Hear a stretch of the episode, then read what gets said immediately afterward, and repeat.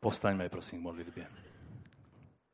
Dnes víc než běžně cítím na tomto místě působení Ducha Svatého a tak věřím, že Duch Boží chce něco konat mezi námi, v nás, v každém jednom z nás. Tak věřím, že chce, abychom víc než kdykoliv jindy viděli jeho tvář a slyšeli jeho hlas. Pane, my toužíme i skrze to slovo, které budeme číst, uvidět lépe tvou tvář a slyšet více tvůj hlas. Skrze Ducha Svatého nám v tom pomoz. Amen. Zůstaňme ještě stát a budeme číst dnešní text.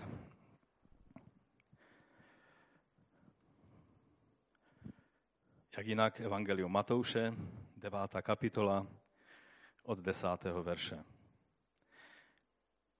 Když pán Ježíš stoloval v jeho domě, přišlo tam mnoho výběrčích daní a různých hříšníků a stolovali s Ježíšem a jeho učedníky. Uviděli to farizeové a řekli jeho učedníkům, jak to, že váš mistr jí s výběrčími daní a hříšníky? Ježíš to uslyšel a odpověděl jim, lékaře nepotřebují zdraví, ale nemocní. Jděte a přemýšlejte, co znamená, chci milosrdenství, ne oběti. Nepřišel jsem volat spravedlivé, ale hříšníky. Potud jsme četli i minule a už jsme mluvili o tomto textu a já jsem ho přečetl pro kontext a teď pokračuje slovo pro dnešní den. Potom k němu přišli učedníci Jana Křtitele. Jak to, že my a farizeové se postíme často, ale tvoji učedníci se nepostí, ptali se. Ježíš jim odpověděl, mohou ženichovi přátelé truchlit, dokud je ženich ještě s nimi? Přijdou dny, kdy jim bude ženich vzat a tehdy se budou postit. Nikdo nepřišívá na starý plášť záplatu z nové látky. Taková výplň odtrhne i kus roucha a díra bude ještě horší. Také se nelije nové víno do starých měchů. Jinak se měchy roztrhnou, víno se rozlije a měchy se zničí. Nové víno se lije do nových měchů a tak se obojí zachová. Toto je Boží slovo, které jsme četli pro dnešní den a můžete se posadit. Co jsou ty nové měchy pro nové víno? Jsme my těmi vhodnými měchy pro to boží víno? Co to znamená být novým měchem a ne starým měchem? To znamená to nové víno. A co znamená, že nemáme novou záplatu dávat na staré roucho? Víte, někdy, když čteme nový zákon, tak to je jedno ze slov, které určitě, když na něho přijdete v novém zákoně, tak si řeknete, aha, to znám, to znám, a jdete dál. Ale když si někdy položíme takovou otázku, tak vlastně musíme přiznat, že pořádně nevíme. Já jsem si musel taky přiznat tuhle. Už jsem kázal i na to slovo několikrát. Ale musel jsem si přiznat, že potřebuji uvidět, co skutečně pán tímto slovem zamýšlel. Protože mnohé kliše, které se používá kolem právě této věci, těch nových měchů a nového vína, tak neobstojí ve světle Bible. A tak, tak dnes máme tu možnost se k tomu znovu vrátit. už nás tak hezky k tomu přivedl a my budeme o tom mluvit. Možná ty nové měchy znamená, že potřebujeme změnu a že už příště to bude po 30. co budeme mluvit o Evangeliu Matouše, takže už je na čase nějaká změna a tak už bychom měli Matouše odložit a vzít nějakou jinou biblickou knihu nebo zase to dělat trošku jiným způsobem. Je sice pravda, že příští neděli nebudeme pokračovat, dali pán, tak tady bude eh, sloužit slovem bratr Lukáš Chlebus a budeme pak mít i členské zhromáždění. Ale já věřím, že ta změna, kterou potřebujeme, není zrovna změna biblické knihy, nad kterou se zamýšlíme. Já věřím, že ještě z Matouše potřebujeme mnohé věci pochopit a přijmout, abychom skutečně prožili, nejenom uviděli a naučili se, ale prožili to, co pán chce s námi udělat skrze toho svého služebníka Matouše, který byl býval všelijaký. ale pak se stal učedníkem Ježíše Krista a poštolem Ježíše Krista a napsal to první skvělé evangelium, nad kterým se zamyšlíme. Takže v tom příběhu, v tom kontextu jsme stále na hostině, kterou uspořádal Matouš, nově vybraný Ježíšův učedník. A jestli ještě doteď si mohl někdo dělat nějaké iluze o tom, z jakého prostředí Matouš pochází, tak teď všechny iluze padly. Všechno vyhřezlo úplně na povrch, protože ta sebranka, která se sešla v jeho domě, o tom patřičně vymlouvavým způsobem e, mluví. Byli to, jak, jak to zhrnul sám Matouš, že všelijací celníci a, a hřišníci se sešli v jeho domě. A farizeum, a nejenom farizeum, ale i třeba učedníkům Jánovým, Jana Kštitele, se tak dost z toho zatočila hlava. Ale o tom všem jsme už mluvili minule. A kým byl Matouš a, a, a že přesto byl eh, tím božím nástrojem v boží ruce. Ale vlastně v tom domě se sešli možná ti nejopovrhovanější lidé z celé té severní části pobřeží Galilejského jezera. A ti farizeové a Jánovi učedníci stoli na, stáli na nadvoří toho domu.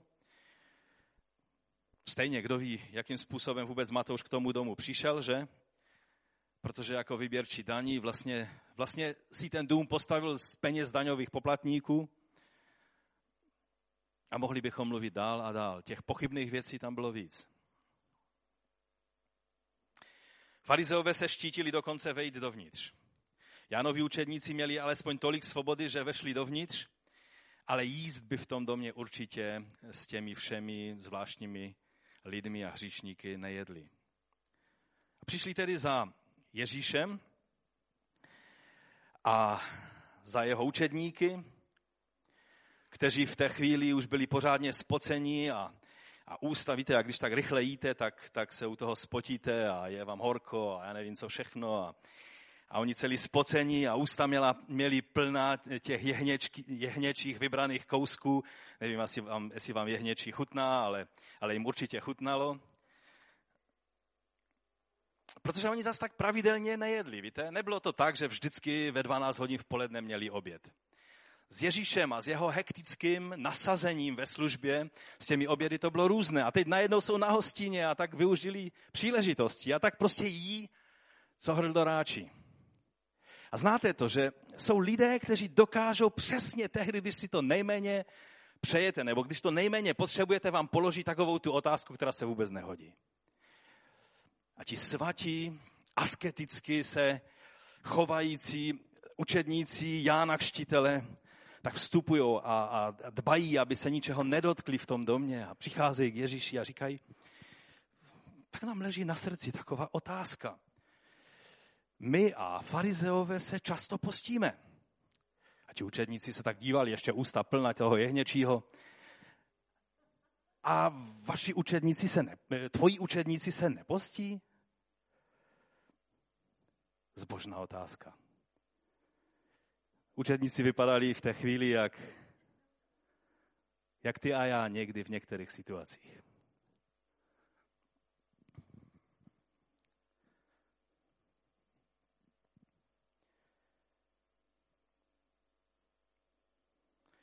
No a tak se s nadějí dívají na Ježíše a trochu i s obavou. Co s tím Ježíš teď udělá? Jak odpoví? Vystaví je do větru? Začne vysvětlovat a obhajovat jejich zbožnost? Vždyť oni se možná, když to sečteme a potrhneme posti víc než ti farizeové a Jánovi učedníci, akorát Ježíš je vždycky učil, že to nemá být po nich poznat. Že se mají tvářit jako, že mají plné žaludky, i když se postí. A za druhé, teď jsou tak nadšení z toho, že Mesiáš je s nimi, proč by zrovna teď se měli postit?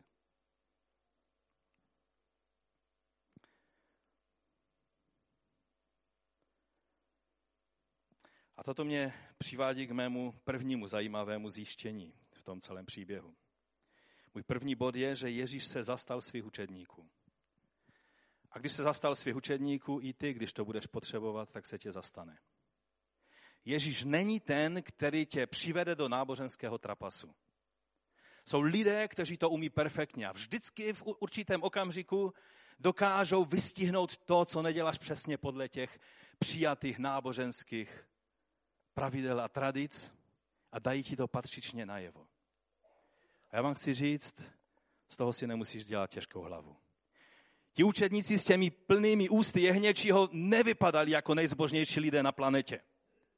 První křesťané z vnějšku nevypadali jako nejzbožnější lidé na planetě. Víte, co bylo častým obviněním, když popravovali první křesťany? Co bylo důvodem nebo obviněním, proč byli popravováni? Co myslíte?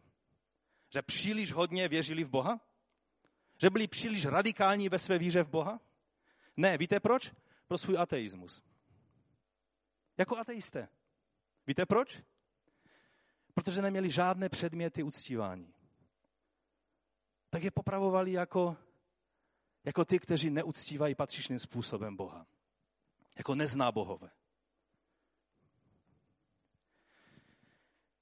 Takže učedníci tak v té chvíli vypadali, ale to nádherné je, že Ježíš se jich zastal, protože on není ten, komu jde o náboženské pózy a zdání, ale o srdce člověka. A to si myslím, že je dobrá zpráva. Když bychom nic jiného neuslyšeli dnes, už to by stačilo. Ježíš navazuje na své odpovědi, ve své odpovědi na to, co už venku na dvoře, že farizeové ti ani dovnitř nevstoupili, tak když tam jim odpovídal na jejich námítky, že tady ani nejde tolik o dodržování Tóry. Ježíš nebyl proti dodržování Tóry.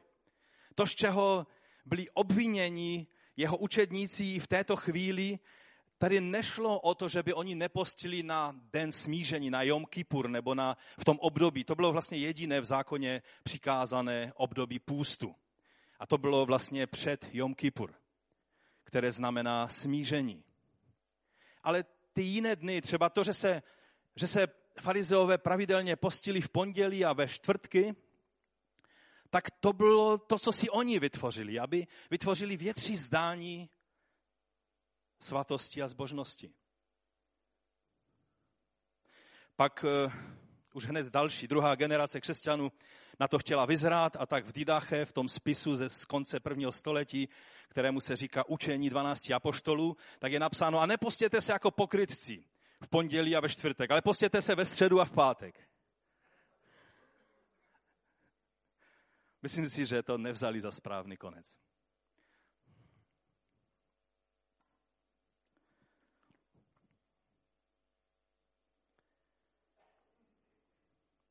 To, co jim Ježíš chtěl ukázat, bylo to, že nejde o dodržování Tory a že Ježíš naopak místo dodržování Tory prokazuje milosrdenství a, a vlastně nehledí na hřích těch lidí. Ježíš jim ukazoval na fakt, že milost a uzdravení pro nemocné jak tělem, tak duší je možné, protože je zde beránek Boží, který snímá hřích světa. To je to, co mění vše. Je zde Mesiáš a to mění vše. To je to, co oni měli uvidět. To je to, čeho si měli všimnout. Z té změny je třeba vyvodit důsledky. A Matouš, ale předtím i ti ostatní učedníci, toto přesně udělali. Udělali radikální závěr, vyvodili radikální důsledky z toho, že potkali Mesiáše. O tom bylo celé to minulé zhromáždění. Jánovi učedníci a farizeové váhali. Víte, v té fázi tady ještě, ještě neodmítli Ježíše farizeové jako, jako, jako člověka k zavržení hodného. Jemu, jim bylo velice sympatické to, co on dělal. Oni si byli vědomi toho, že dělá velice významné věci, které musí pocházet od Boha. Oni ještě mnozí zvažovali, zda k té své duchovní zkušenosti nepřidat i nějakou dobu strávenou jako učedníci tohoto zajímavého muže. Oni to velice rádi dělali. Oni se rádi stavali, stavali učedníky eh, takovýchto božích rabínů, jako byl Hillel a Šamaj. A teď si mysleli, že i Ješua z Nazareta je takovýto člověk, kterého by stálo za to chvíli následovat a obohatit tu svoji duchovní zkušenost o, takovýto, o takovouto zkušenost. Ale ti učedníci, teď se na ně podívejte. Být s nima v jedné skupině, teď oni nerozlišují levé od pravé ruky a, a, a svátky a období půstu a církevní rok, jak přesně to probíhá, kdy je svátek. Já se vždycky rozčiluju s mladýma lidma. Když mluvíme o nějakých svátcích církevně, o takových věcech, oni nemají páru o tom, kdy je co a klidně byste jim mohli říct, že Velikonoce jsou o Vánocích a Vánoce o Velikonocích. Oni by ani nepřišli na to, že to tak není. Vánoc by si možná všimli, že to je v obchodě. A někdy se na to zlobím, ale tak tam někde vnitru cítím, že zas až tak velký problém to není. Učedníci byli možná podobní.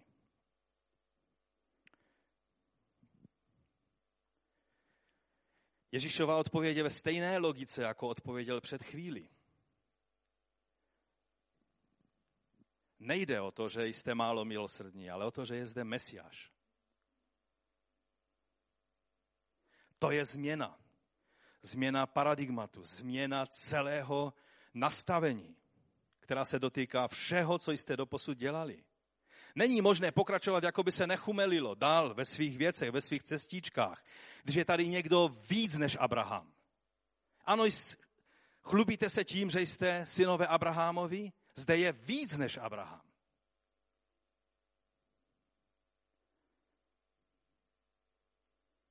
Židé s muslímy se dohadují o tom, kdo je lepší potomek Abrahama. A my se na to můžeme dívat a říct, Mesiáš je víc než Abraham. Kdo je v Kristu?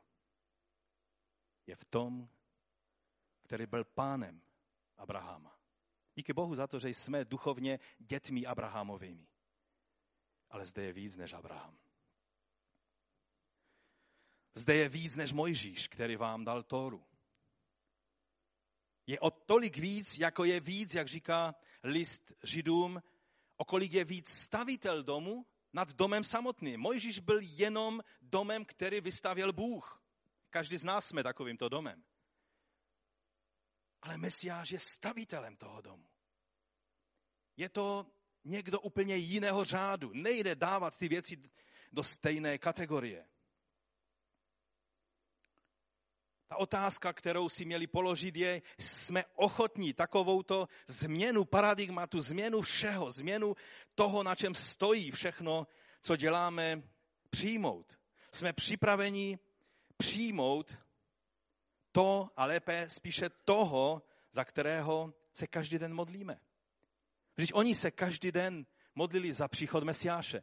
Každý rok si připomínali příští rok. Židé si dodnes připomínají příští rok v Jeruzalémě. Proč v Jeruzalémě? Protože věří, že budou v Jeruzalémě, když tam bude Mesiáš. To bylo i, i cílem jejich půstu.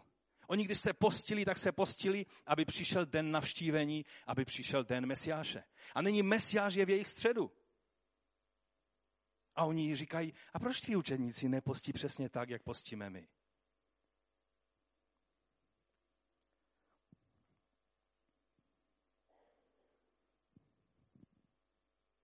Je to změna tak zásadní, že se nám nevleze do našich vychozených chodníčků. A to platí o nás. Přijmout Krista do svého života znamená být vykolejen ze svých vychozených chodníčků. Nejde v nich dále pokračovat. Celník a rybář to přijme. Ale vy, Jánovi učedníci, vy, farizeové, jste už tak naformatováni určitým směrem, že nejste schopni slyšet mesiánské poselství.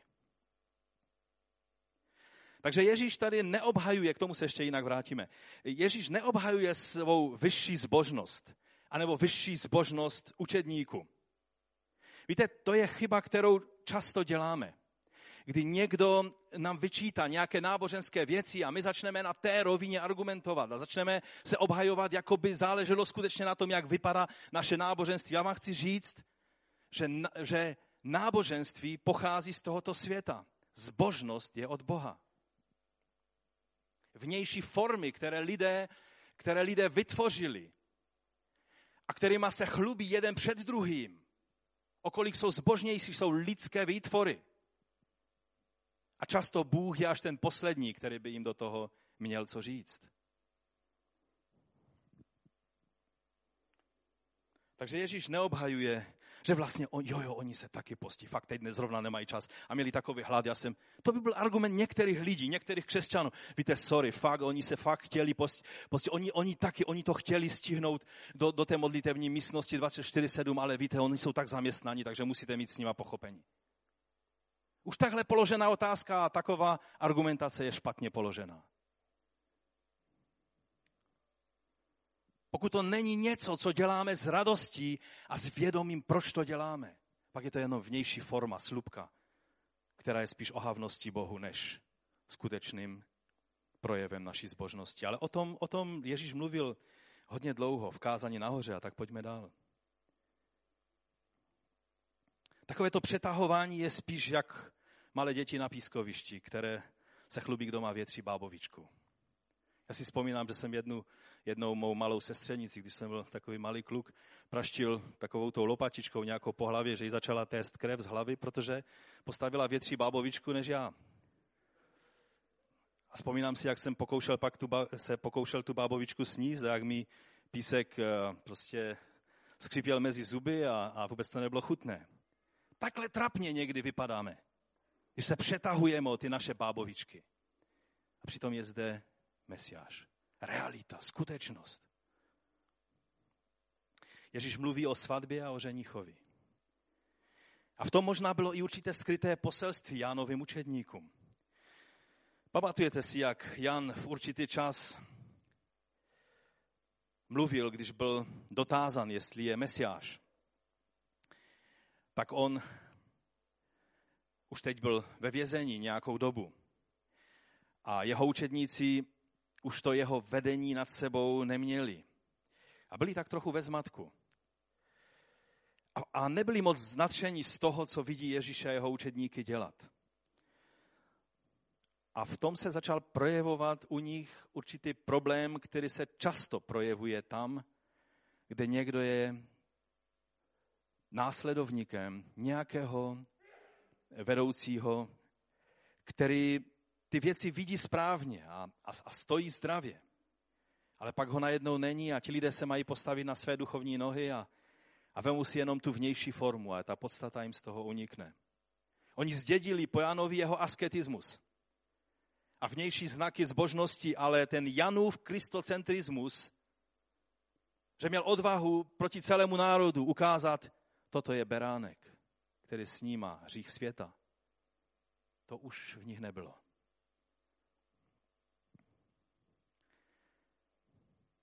A Ježíš jim tak trochu připomíná ten Janův příklad o svatbě a o ženichovi. Je to zapsáno u Jana ve třetí kapitole. Kdo má nevěstu je ženich. Ale přítel ženicha, a to se staví Jan do, do té role, že on je ten přítel ženicha, který stojí a slyší ho, se z ženichova hlasu velmi raduje. Tato má radost se tedy naplnila. Toto mluvil Jan. Že on je tím přítelem ženicha, který se raduje. A Ježíš teď mluví o, o přátelích ženicha, mluví o ženichovi. Jan řekl, že není mesiáš, že není ten ženich. Že on je ten přítel ženicha. V judaismu to je oficiální titul. Já nevím, angličané taky eh, mají takzvaný eh, titul, takzvaný best man. Jak, jak se to česky říká, nevíte? Nebo na Slovensku máte speciální takovou družba? Svědek? A u nás svědek někdy je jenom takový, že se postaví, odkivne, že to viděl a, je, a jde dál. Ale tam vlastně ten, ten best man, nebo ten přítel ženicha, to byl někdo, kdo byl uzasnup a pak celou dobu měl oko na tu nevěstu, jestli je v pořádku a v podstatě pro toho ženicha ji tak trochu hlídal. To taky není ono. Starosta někdy je jenom ten, kdo umí dobře zorganizovat věci a aby to všechno odsejpalo, jak má. Ale rozumíte, co, co tím myslím? V judaismu to je velice důležitá funkce co se týče svatby. A teď je Jan ve vězení a je čas zvážit jeho slova o tom, kdo je Mesiáš a učinit z toho správné závěry. Vždyť on jim to řekl. I to, že je ve vězení, je signál. A vidíte, zase je to o tom správném rozhodnutí. A my z dějin víme, že mnozí učedníci Jánovi na konci prvního století, místo aby šli za jeho doporučením, hle je beránek Boží, který snímá hřích světa, prohlásili Jana za, za Mesiáše. A stali se opozicí nově, nově se rodící církvi. Ne samozřejmě velkou nebo silnou, ale existovali. A udělali přesný opak toho, co jim Jan doporučoval.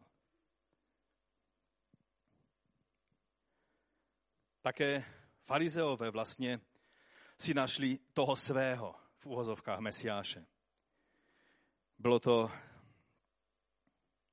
sice eh, později, až v druhém století, kolem roku 130, kdy najednou povstal muž jménem Bar Koziba, kterého pak natřený rabí Akiva, jeden z, nej, z nejvlivnějších rabínů eh, v tom už rabínském, rodícím se rabínském judaismu, který založil Johanan ben Zakaj. Byl jeho věrným následovníkem a velice vlivným člověkem a jsou v Talmudu mnohé jeho, jeho vyjádření. On přejmenoval Barkozibu na Barkohbu jako, jako scházející třenka a řekl, tohle je náš mesiáš. A výsledkem toho bylo to největší zklamání a rozbití a, a vlastně byl to definitivní zánik. V 70. roce byl zničen Jeruzalém i chrám, ale Židé stále v Jeruzalémě ještě žili. Ale pak za císaře Hadriana v době povstání Barkohby, tak město lehlo v troskách a na troskách Jeruzaléma Hadrian postavil Elia Capitolina, město, které nazval Elia, bylo vlastně název po jeho rodu, jeho rod e, měl něco společného s tím jménem Elius a Kapitolina to odkazuje na boha Jupitera, kapitolského, na římského mocného boha.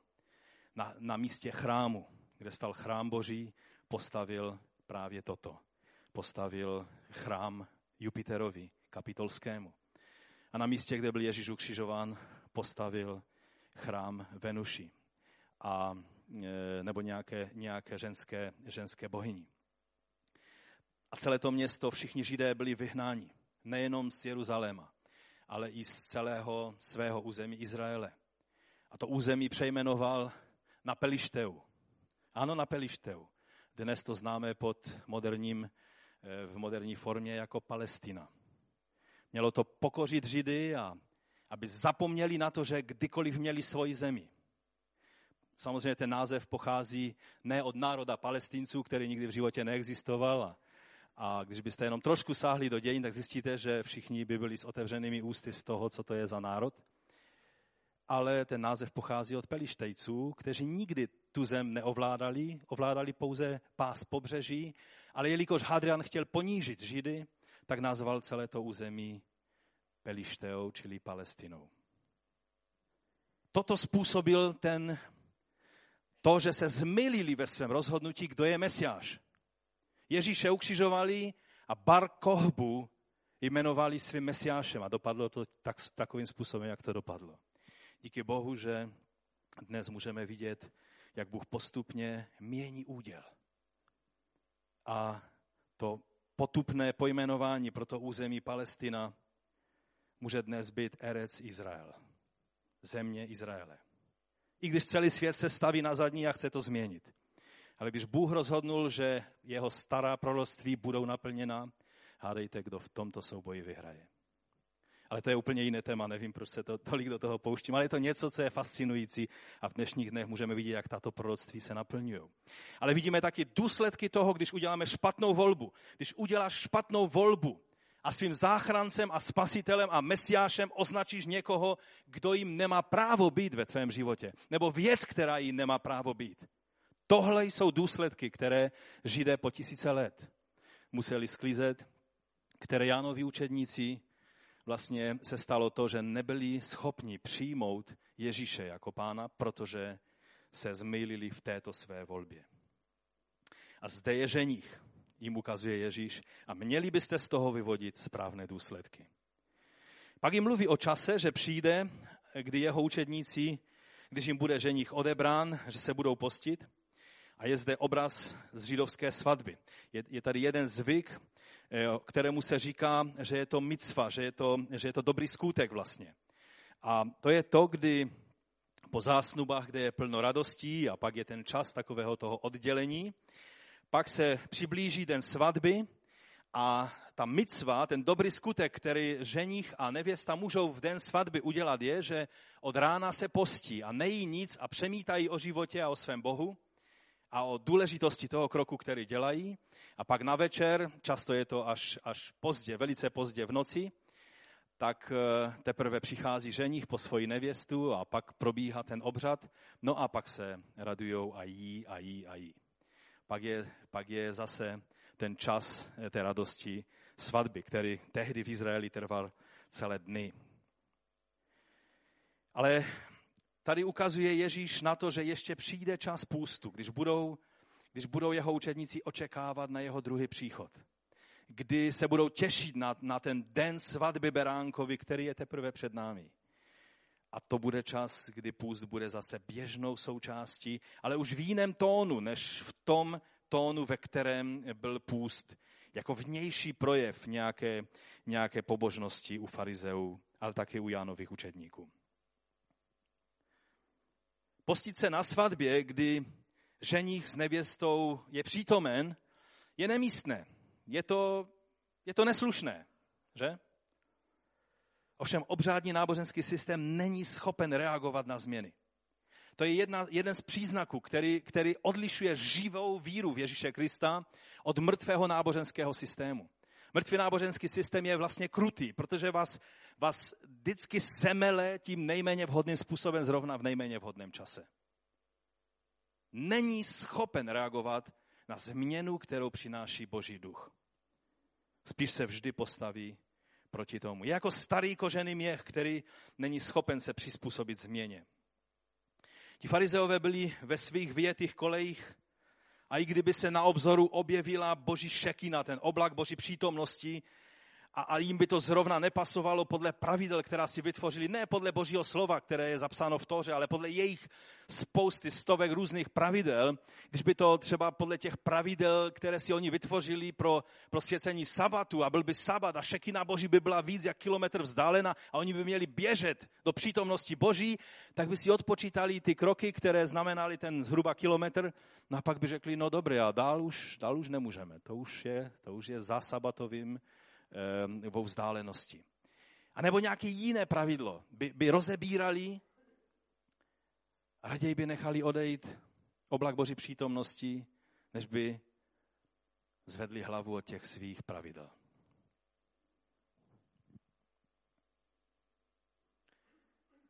Zde bylo víc než šekina. Zde byla Boží plnost tělesně v Mesiáši.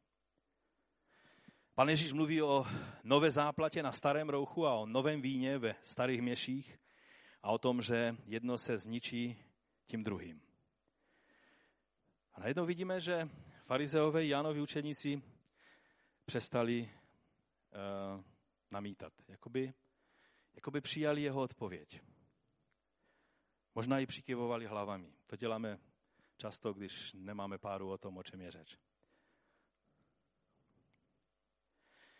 Možná zamlklí ze stejného důvodu, jako bychom zamlkli my všichni ostatní. Protože nemáme ponětí, o čem to pán Ježíš vlastně mluví. Pojďme tedy k dalšímu bodu, co ty příklady budeme za chvíli mluvit, co můžou znamenat, ale teď si řekněme, co nemůžou znamenat. Protože je dobré vyloučit to, co nemůžou znamenat, abychom nebyli ve zmatku. Takže nejdříve si řekneme, co ty příklady nebo podobenství, jak jim říká Lukáš, eh, nemůžou znamenat. Kdysi byl velice populární názor mezi studenty Bible, mezi teology, mezi, mezi ale takovými těmi povrchními teology, eh, kteří na základě tohodle slova, toho, tohodle podobenství, nebo těch, těchto dvou podobenství, tak eh, vysvětlovali nekompatibilitu křesťanství a judaismu. A zdůvodňovali, proč křesťanství muselo být vytrženo z židovského prostředí a muselo být vloženo do řeckého prostředí, řeckého způsobu uvažování, protože Bůh už měl dost toho, co e, ti judajisté nebo židé s těmi božími věcmi udělali. A tak se na tom příkladě vysvětlovalo, že, že prostě Ježíš tady oznamuje založení nového náboženství. A já vám chci říct, když by toto mělo znamenat to, co Ježíš řekl, tak nikdo z těch lidí, kteří ho poslouchali, by neměli páru, o čem mluví. Je ani nenapadlo nad ně duše, že existuje něco jiného, nějaká jiná cesta za Bohem, než je být součástí vyvoleného národa, to znamená Izraele. A co vám řeknu ještě víc, ani Ježíše by to nenapadlo. Když byste řekli, aha, tak Ježíši, ty si ohlásil konec s judaismem. On by se na tebe, na tebe podíval a řekl, já jsem Izrael. A ve mně celý Izrael má smysl. Nic jiného než Boží Izrael neexistuje.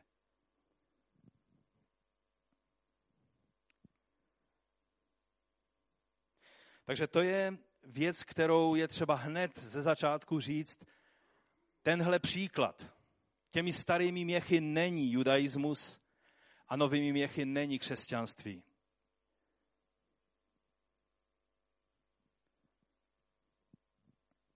Když studujeme pozorně Boží slovo a také když se podíváme na nejnovější poznatky toho, co dnes víme a co, co vlastně je i, i výsledkem archeologických objevů a, a nalezení spisů a kumranských svítků a, a všech, všech dalších spisů, které byly nalezeny v Egyptě a na dalších místech, tak víme, že prvotní křesťanství, ta první, druhá, třetí generace křesťanů, to byli lidé, kteří byli eh, židovsky smyšlejícími lidmi skrz na skrz.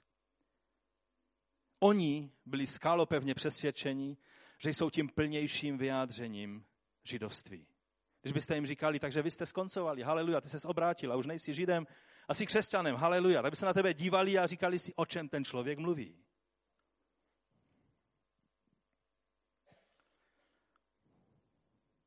Je to stále ten stejný stereotyp teologie záměny, který se často v církevních dějinách objevil. Který tak pěkně rozděluje to všechno. Všechna prokletí patří židům a všechna požehnání patří křesťanům. A chci vám říct, že tak to není. Všechna požehnání patří Izraeli Božímu. Takhle je to podle Božího slova. A proto je třeba si uvědomit, že vše, co máme a o čem zde mluvíme, je na výsost židovské. Nemluvíme tady o židovském a křesťanském myšleno římsko, řeckém a, a dalších národů oddělené od židovských kořenů. Takhle ta linie dělící ne, neběží a o tom tady Ježíš nemluví. I ty staré měchy, i to staré roucho, ale i to nové, e, nové měchy, i to nové víno, i to nové roucho je židovské. Čili stále jsme ve stejném teritoriu. Kdo nechce nic mít s židovským vlivem, nemůže jednoduše být křesťanem. To chci, abyste se probudili ti, co možná podřimujete teď, protože to je vážná věc. Kdo nechce nic mít se židovským vlivem, někteří říkají, dejte mi pokoj s tím židovství a stále o židech mluvíte a, a o Izraeli a svátky. A to mě nezajímá. No když tě to nezajímá, tak je problém, protože nejde být křesťanem, a prostě nemít židovský vliv na sobě, protože křesťan znamená kristovec. A kristovec znamená jednoduše mesiášovec. Dost kostrbatě přeloženo. A mesiášovec znamená, že věříme v izraelského mesiáše. Amen. Jan v první kapitole říká, zákon byl vydán skrze Mojžíše a milost a pravda však přišla skrze Mesiáše Ježíše. A někteří říkají, aha, tak zákon to je Mojžíš, to je stará smlouva, to je judaismus, milost a pravda to je Ježíš, to je nová smlouva, to je křesťanství. Myšleno v tom pohanském odděleném od židovství v té formě. Ale já vám chci říct, že nová smlouva, o které prorokoval Jeremiáš, a když si to otevřete, tak si, tak si to najdete, je celá o smlouvě, o nové smlouvě Boha Izraele, Jahve, s lidem Izraele. Dokonce součástí tam té nové smlouvy, jestli se na to podíváte, schválně se doma na to podívejte, je tam i obnovení toho, že Bůh obnoví i území Izraele svému lidu. Či dokonce ani, ani to tam není obrazně, je to tam doslovně. Celá ta smlouva, celá ta řeč, to všechno, co je, tak je ohledně Izraele. A apoštol Pavel, kterému se, kterému se říká, že on vytvořil křesťanství, tak vám chci říct, že on, on říká v deváté kapitole Římanům, přál bych si, abych já sám byl zavržen od Krista místo svých bratrů, svých příbuzných podle těla. Jsou to Izraelci, a teď říká, jim patří synovství, sláva i smlouvy, smlouvy, ne smlouva, stará, bychom si dali do závorky, že? Smlouvy. Jim byl dán zákon, služba a zaslíbení, jejich jsou otcové a z nich podle těla pochází Mesiáš, který je nade vším, Bůh požehnaný na věky. Amen. Takže vás možná některé zklamu, ale tady v tom zboru asi těžko, protože o tom mluvíme dost často. Ale to je od A do Z židovské, takže tahle dělící čára těch, toho, těch nových měchů pro nové víno neběží tady touhle linii a proto je dobré ji zavčasu opustit. Pokud my neříde cokoliv chceme z těchto věcí přijmout, pak musíme zaklepat na dveře Izraele. A navíc Lukáš by to celé postavil na hlavu, když on dodává Ježíšova slova, které Matouš nemá. Je to Lukáš 5. kapitola 38. On říká, nové víno se má lít do nových měchů. A pak říká takový zvláštní verš. A nikdo, kdo pil staré, ovšem nechce nové. Říká totiž, staré je lepší. Tady je dobré, ale ten, ten vhodnější překlad by bylo staré je lepší. A Lukáš to tam tak nechává jako Ježíšova slova bez komentáře. Je vidět, jako by i sám nad tím přemýšlel, co všechno to může znamenat. Tak jak to tedy je? Co znamenají ty Ježíšovy příklady? Takže pojďme se jako za třetí podívat, co to tedy je to nové víno a ty nové měchy. V tehdejším judaismu bylo, a Ježíš vždycky používal věci, které byly velice blízké životu tehdejších lidí. Když mluvil o kožených měších, tak to nebyly takové hezky ušité kožené měchy, které vypadají celkem slušně a asi jsou i celkem drahé. Jestli můžeme, tak si ukážeme takové měchy spíš, které vypadaly, vypadaly takto. A velice často jednoduše to bylo jenom prostě kůže z toho, z toho beránka nebo, nebo kozla, a prostě samozřejmě, když byla užitá hlava a nohy, tak potom ještě, jestli můžeme, jo, tam vidíme třeba vlevo, že? E, tak, tak to jednoduše zašili všechny ty otvory a nechali jenom v eh, hrdle ten, ten otvor, který pak taky se uzavíralo. No a, a to byla ta nádoba. Vždycky měla tvar toho zvířete, toho beránka nebo toho kozlíka. To bylo, to, Ježíš prostě použil příklad přímo ze života těch lidí, o kterých, které oni používali každý den. A věděli, že ta kůže má takovou vlastnost, že když ji použijete poprvé a po druhé, tak ona, ona se vysuší a skřehne a pak se láme. A pak, když byste nalili do toho čerstvé víno, takový ten burčák, dobrý moravský, tak co, co, jakou má vlastnost burčák? Proč, proč musí být vždycky to, to víčko tak, eh, tak trošku po, pootevřené? Protože tam stále ještě je život v tom, že? Kde máme nějakého vináře? Michale, kde jsi? Tady zrovna sedí poblízku, že? V tom ještě by se dalo říct život, že? A co je takové to vyzrále, takové to archivní víno? Čím se liší od burčáku? Kromě toho, že je hezky, krystalicky čisté, jak takový dobrý farizej. To, že tam už ta fermentace neprobíhá, že? Že už ty procesy prostě odumřely, protože ty, ty, ty, ty živé, ta, ta živá složka Eh, a já mluvím zcela laicky teď, jo, v tom, v tom víně, ona pracuje na vytváření alkoholu tak dlouho, až se sama tím alkoholem zabije. Spotřebuje cukr a, a, a vytvoří alkohol a pak samozřejmě eh, tím odumře. Ono to je i s životem mnohých křesťanů. Chtějí být tak bibličtí, až se stanou nebibličtí. Už není pak v tom žádný duch. Není v tom život. No a, a oni věděli, že když nalejou nové víno, když vám někdo tvrdí, že, že může existovat nealkoholické víno, tak samozřejmě může, ale musí být hodně, hodně ošetřeno chemii nebo jinými procesy. Protože jinak, když zmáčknete hrozen a nalijete ten mošt do nějaké nádoby, tak v tom okamžiku začíná proces fermentace. Čili e, takové ty teologické názory o tom, že víno není víno v Novém zákoně, by bylo dobré eh, si nechat třeba pro fantazírování, ale pro realitu toho, co je v Biblii napsáno, to moc eh, není použitelné. No a tady Ježíš mluví o tom novém víně, které tam prostě fermentuje a vytvářejí se všechny ty, ty plyny a, a, a prostě hýbe to. A, a ta kůže musela být dostatečně pružná, aby reagovala na, na ty procesy, které v tom vínu probíhají.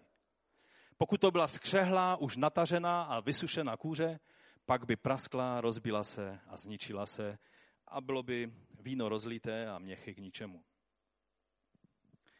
Takže lidé to znali, ale oni také věděli, k čemu je běžně, eh, co, co víno je používáno v rabínských vysvětlováních, eh, čeho je obrazem. A e, můžeme, nad, a nemám čas se tím zabývat, ale je mnoho příkladů, kdy můžeme vidět, že víno představovalo přístup k výkladu Tory. Když někdo e, přirovnal, mluvil o víně v tom, v tom přeneseném významu, tak to znamená, že, že vlastně ty hrozny Tory byly nějakým způsobem zpracované a připravené a, a byl to určitý způsob, jak byl vykládán, jak byla vykládána Tora, neboli Boží slovo. A oni dokonce mají ve svých spisech eh, zápis od klasických rabínů, od těch velkých eh, učitelů staré doby, kteří, eh, kteří jim mluvili o tom, že když přijde on, ten, který, který bude králem a pánem a mesiášem, a citují Zachariáše, přijede jako ponížený jedoucí na osle. Zachariáš 9.9. Když on přijde, říkali, říkali ty jejich výklady, pak on nám osvítí všechna slova, on nám dá světlo na všechna slova Tory. On nám ukáže, jak máme rozumět slovům Tory. Tomu oni věřili. To je vyučovali jejich staří učitele. A teď měli udělat z toho konkrétní praktický závěr a oni nebyli schopni tu věc udělat, jako mnozí křesťané, kteří tam někde hluboko cítí, že ta slova jsou slova, která mají uvést do praxe ve svém životě, ale své vychozené chodničky už mají tak hluboko, že nejsou ochotní ani schopni z těch vychozených chodničků vyjít a zařídit se podle toho, co vidí, že je Boží vůle v jejich životě. Staré víno představuje výklad už usazený bez života, bez ducha a farizeové byli typickými představiteli tohotle druhu výkladu Tory. Když čtete některá intelektuální cvičení v Talmudu o drobnostech, třeba které se týkají pořadí, jak má probíhat večeře sabatova, ten seder takzvaný, neboli, neboli řád toho, jak má probíhat a jak Šamaj tvrdil, že to má být v tom pořadí. Nejdříve se má udělat to a pak to a pak tamto. A Hilelova škola nebo dům Hilela, jak oni tomu říkali, zase říká, ne, ne, ne, to má být trošku přehozené jinak. Tak si říkáte, o čem oni mluví? O čem ti to lidé mluví? Vždyť v božím slovu nic takového není a na tom přece svět nestojí. Jestli jejich večeře má tuhle drobnost a tamtu drobnost a, a takové pořadí a onaké pořadí a teď dům Aškenází a sefardských židů má jiný přístup i třeba k e, slavení paschy a těchto věcí. Na těch věcech svět nestojí. To, o co šlo Bohu ve svém slovu, se týká života a smrti a ne toho, v jakém pořadí budete jíst vaši večeři. A když si čtete některé ty intelektuální cvičení, tak si uvědomíte, o co Ježíši šlo. O čem tady mluví. Nové víno je ještě plné života. Ještě stále v něm probíhá ten proces, který Bůh učinil, aby z hroznu vzniklo víno. A Mesiáš je tím novým vínem, plným života, plným ducha božího, plným změny, plným nových věcí. Když si, studi- když si uděláte studii v božím slovu o nových věcech, nový život a, a, a nová smlouva a, a nová zaslíbení a všechny ty nové věci, až po nový Jeruzalém a novou, ne, nové nebe a novou zemi a, a všechno nové, nový člověk a hle, staré pominulo, vše je učiněno nové a tak dále. Když si uděláte studii nových věcí, tak zjistíte, že náš život s Bohem je plný nových věcí a pokud není tvůj život plný nových věcí, někde se vloudila chybička, je třeba s tím něco udělat.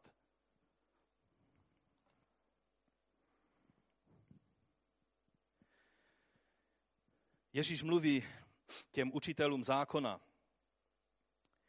v Jánu v páté kapitole a sám otec, který mě poslal, o mě vydal svědectví a vy jste ale nikdy neslyšeli jeho hlas a neviděli jeho tvář. Když jsem četl tato slova, jsem si říkal, pane, pomoz nám, abychom viděli tvou tvář a slyšeli tvůj hlas. Protože, protože tady, tady je řečeno, nikdy jste neslyšeli. Oni nic jiného nedělali, než studovali Tóru a, a Ježíš o nich mluví, neslyšeli jste jeho hlas a neviděli jste jeho tvář. Jeho slovo ve vás nezůstává, neboť nevěříte tomu, kterého on poslal. Zkoumáte písma, neboť se domníváte, že v nich máte věčný život, ale ta svědčí o mně. Nechcete ke mně přijít, abyste měli život. Celé písmo je slepá ulička, pokud je nevidíme ve světle toho, který tomu dává smysl, a to je Mesiáš Boží. Co řekl pán Ježíš učedníkům na cestě do Emaus? Z celého písma, z žálmu a z proroku jim vysvětloval věci, které byly napsány o něm. To je to, co dává smysl celému biblickému poselství. V druhé Korinském, ve třetí kapitole, Pavel říká, a takovou důvěru máme skrze Krista v Bohu. Ne, že jsme sami o sobě způsobili, tak abychom si mohli něco myslet sami o sobě. Ale naše způsobilost je z Boha, který nás učinil způsobilými služebníky nové smlouvy, ne litery, ale ducha. Litera totiž zabíjí, ale duch oživuje. Litera zabíjí, ale duch oživuje. Mesiánský přístup. To, když máme Mesiáše v centru všeho, a pak přistupujeme k poznání písma, zákona božího a všech věcí, které s tím souvisí, tak e, to není přístup litery, která zabíjí. To je, to je to intelektuální cvičení o tom, že si děláme všelijaké, všelijaké z toho pravidla, která ani sami se v nich pak nedokážeme vyznat. To je slepá ulička. Je to ale přístup, který je podle ducha Mesiáše, který oživuje. To je nová smlouva. Nová smlouva, ta základní věc byla ve dvou rovinách. Za prvé, že zákon místo na kamení je napsán v našem srdci, že duch boží, který spočíval jenom na králích, kněžích a na prorocích, bude vylít na všeliké tělo, na každé tělo, na každého člověka, který se otevře na božího ducha. A co je třetí věc? Že do té smlouvy budou přizvány i další národy, nejenom Izrael, ale to požehnání bude pro všechny národy celého světa. To je nová smlouva. To je smlouva spečetěna krví Mesiáše. To je ta cesta slyšení jeho hlasu a vidění jeho tváře, jak jsme četli z toho Jána. Je to cesta hledění na slávu Boží zjevenou v Kristu, o které dále Pavel mluví v té třetí kapitole 2. Korinským. Pán je duch, říká Pavel. A kde je pánův duch, tam je svoboda. A my všichni s odkrytou tváří jako v zrcadle odrážíme pánovu slávu a tehdy jsme pánovým duchem proměňování k jeho obrazu od slávy k slávě. Ty věci můžou fungovat jedině tehdy, když hledíme na jeho tvář. Když vidíme Mesiáše v tom všem, co se nás týká. Když to není náboženská slupka, ale ať ta vypadá, jak chce, někdy budeš načápan s jehněčím v ústech v době, kdy se všichni ostatní postí. Ale pokud tvé srdce je plné Mesiáše a jeho ducha, pak se tím nemusíš hrmoutit. Ježíš se tě zastane. Tak, jak se zastal svých učedníků. No a co jsou teda ty nové měchy? Za čtvrté a za poslední. Zde je naděje pro nás, pro každého. Celá ta debata, všimněte si, mezi Ježíšem a farizeji a Janovými učedníky probíhá v kontextu toho, jaké, že si to Ježíš vybral učedníky.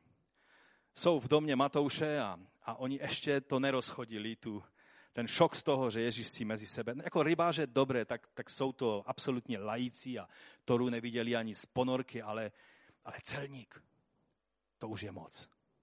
A do toho přemítání přichází tato debata. Takže se tady nejedná o založení nového náboženství zvaného křesťanství, ale jedná se o postoj těch lidí, se kterými Ježíš mluví, kteří spochybňovali ty učedníky, které si Ježíš vybral.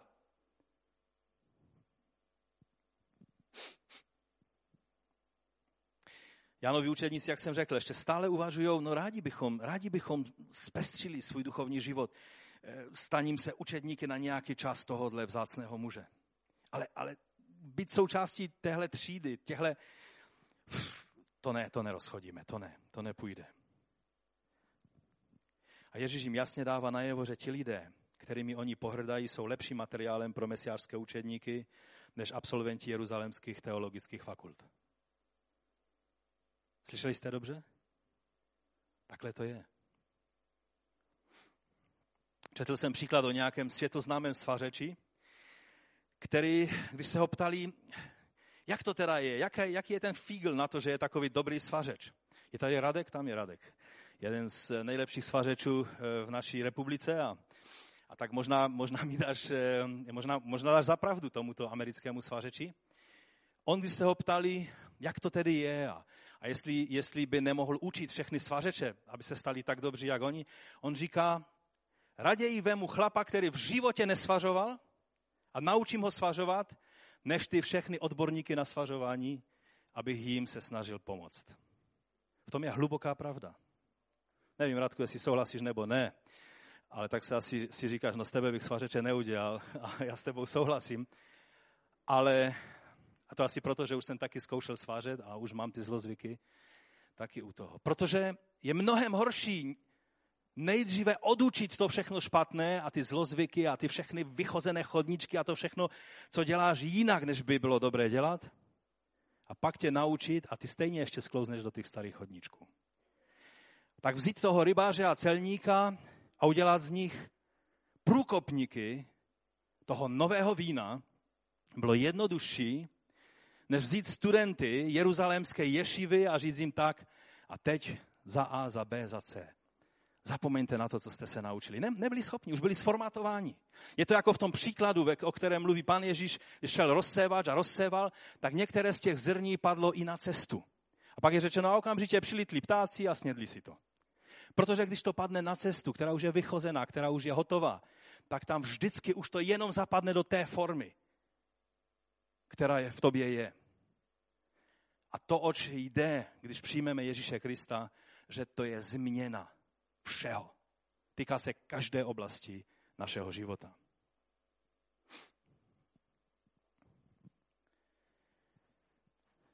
Ti muži, Petr, Ondřej, Jakub, Jan, Matouš, byli ochotní převrátit svůj život na ruby a aplikovat to, co jim Ježíš říkal.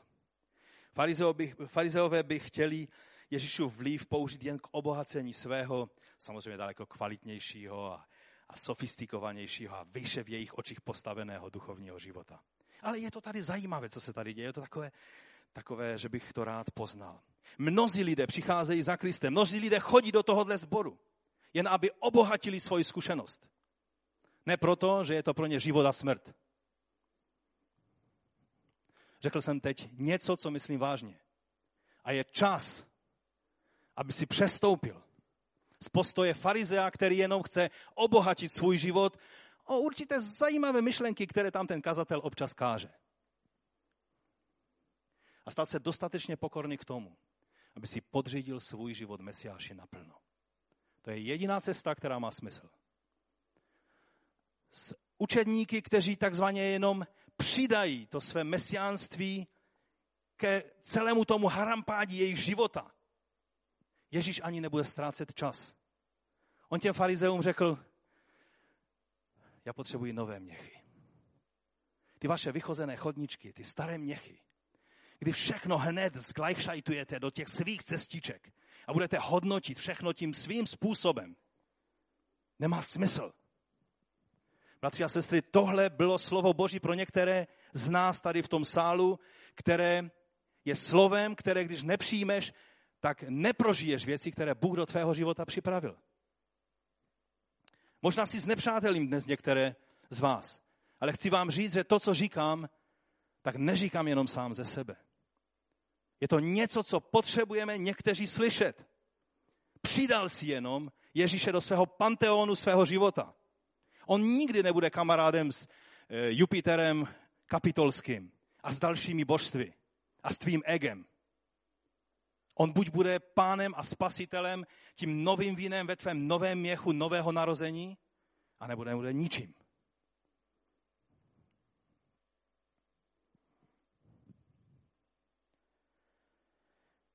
Řekl jim v podstatě, když byste chtěli udělat tuhle kombinaci, o které jsem teď mluvil, vy byste si zkazili život a i mě byste ho zkazili. Nové víno patří do nových měchů. Ve starých měších by bylo zničené jedno i druhé. Na to poukazuje i ta nová záplata, takže se dostaneme na té víc takovou obecnou rovinu. A ta záplata byla přišitá ke starému plášti. A Ježíš říká, po prvním vyprání, já nevím, já, to zase by sestry mohly říct, které se zabývají takovýma věcma, že asi ta, ta látka nově přišitá se pak seprala, že? Stala se menší podstatně, no a, a prostě udělala tu díru ještě větší, protože v tom místě, které bylo přišité, tak i s tím místem přišitého to všechno vytrhala. Protože byla nová, ta stará látka už byla taková vetcha, takže byla škoda i na jedné, i na druhé straně. Ta jedna strana byla k ničemu a ta druhá byla zničená. A Ježíš ukazuje stejným způsobem na, na stejný problém. Ukazuje to na nebezpečí, které se pak v dějinách naplnilo. A to z obou stran.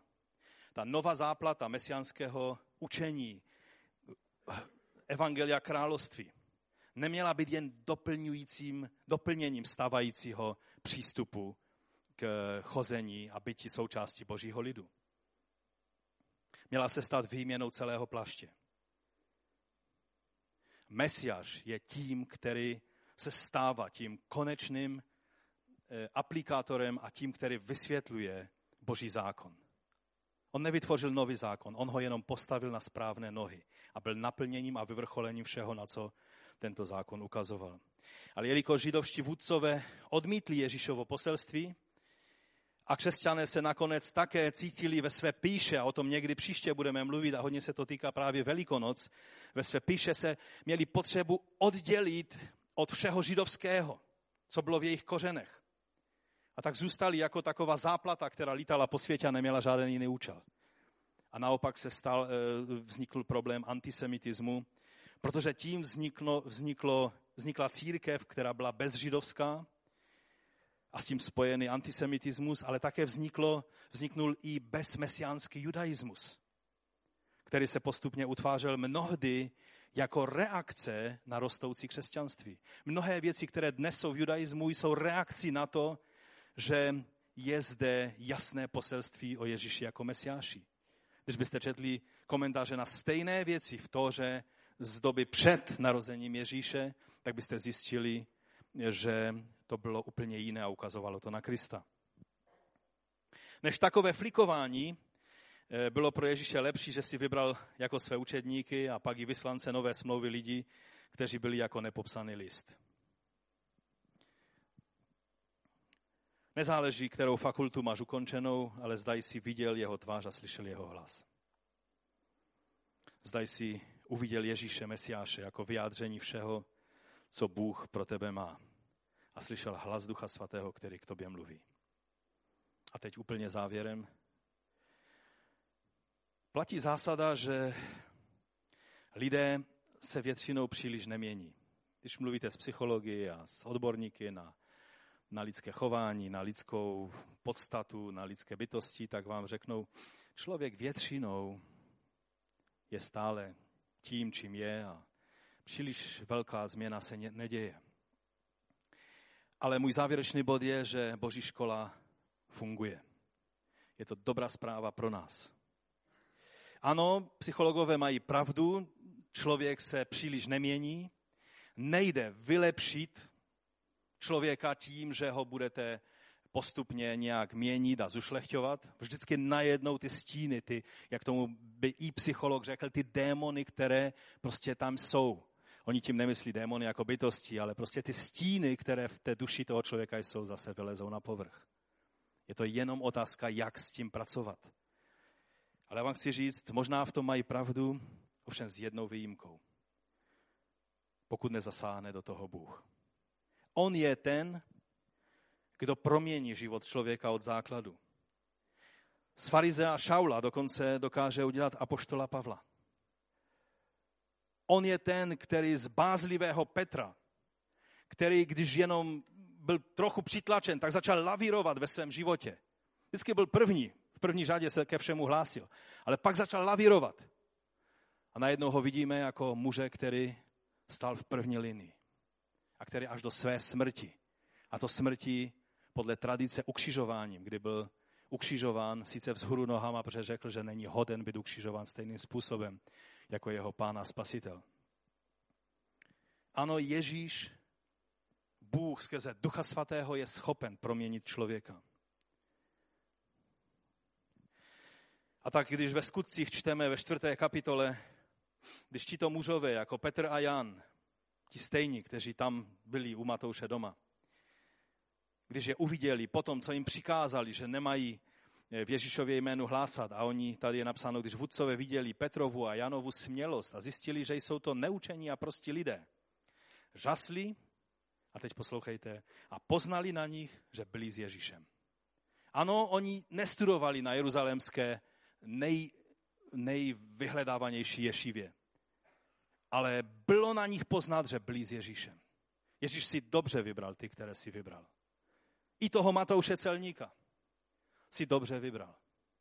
Proto můžeme už víc jak rok studovat Evangelium Matouše. A nejsme ještě ani v polovině.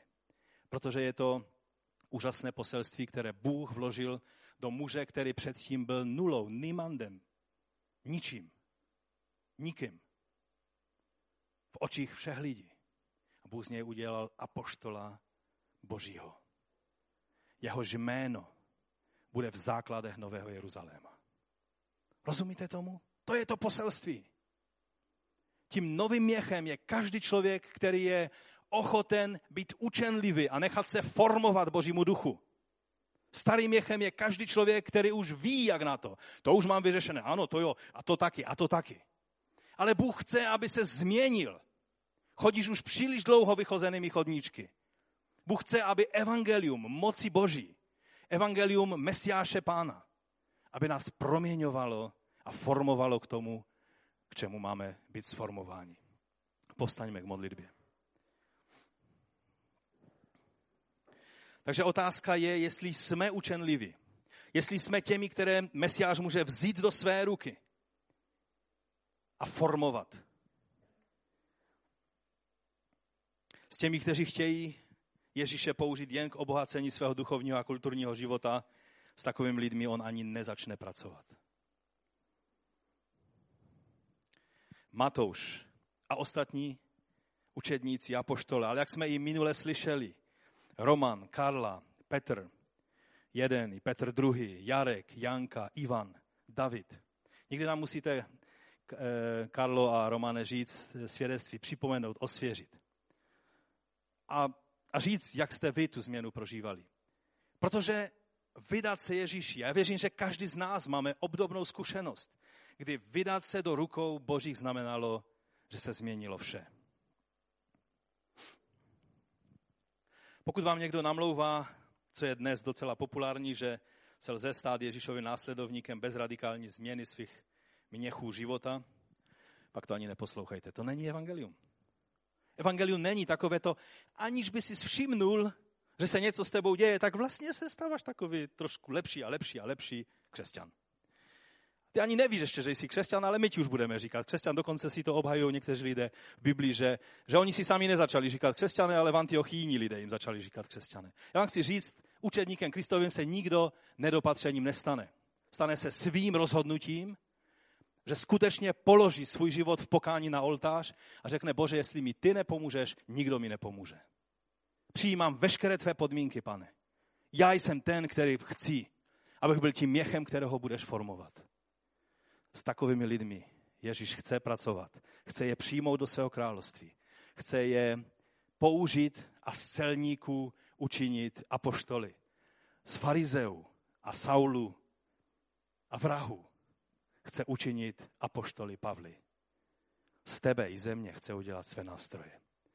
Pane, my tě prosíme, aby si uslyšel naši modlitbu teď a přijal.